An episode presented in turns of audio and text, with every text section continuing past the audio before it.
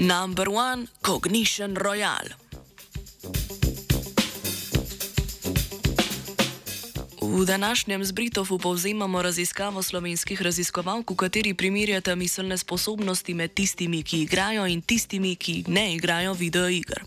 Poročata, da se igranje akcijskih videoiger povezuje z boljšo sposobnostjo miselne rotacije in višjo kapaciteto pozornosti. Rezultate študije, ki se za razliko od prejšnjih osredotočata na specifični žanr videoiger, sta objavili v reviji Cyber Psychology.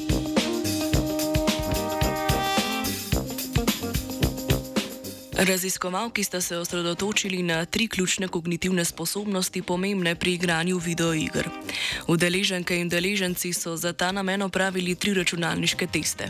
Test mentalnega rotiranja objektov meri zmožnost prostorskega predstavljanja. Naloga udeleženk je bila na podlagi slike osnovanega predmeta prepoznati, na kateri sliki je identičen predmet, le da zavrten v prostoru. Test slednja Objek, eh, test sledenja objektom meri zmožnost vzdrževanja pozornosti. Pri tem udeleženci, so udeleženci spremljali spremembe barv prikazanih dražljajev.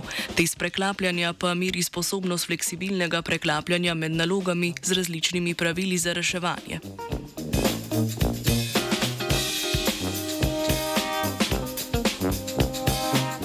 Raziskovalki sta uspešnosti izvedbe treh kognitivnih nalog primerjali 82 igralcev oziroma igralk akcijskih iger z 81 osebami brez posebnih igralskih izkušenj. Rezultati so pokazali, da je igranje akcijskih videoiger povezano z boljšo sposobnostjo mentalne rotacije in višjo kapaciteto pozornosti.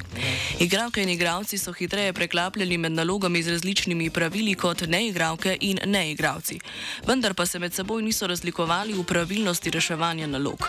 Raziskovalki zaključujete, da je igranje akcijskih videoiger pozitivno povezano s hitrostjo procesiranja informacij, pozornostjo in video vidno prostorskimi sposobnostmi, ter ponudita možnost, da bi lahko s to vrstnimi igrami tudi izboljšali te zaznavne in kognitivne sposobnosti.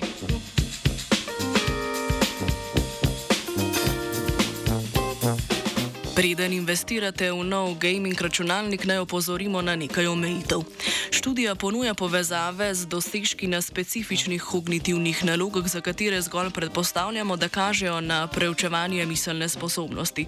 Če tudi bi dosežki na teh testih res odražali želene sposobnosti in bi bili rezultati neomajno veljavni, je študija pokazala samo na povezave in ne vzročne odnose.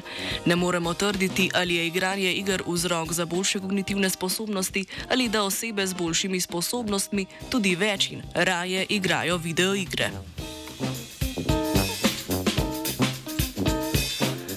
Alt plus F4 bo vsak čas pritisnila Katja.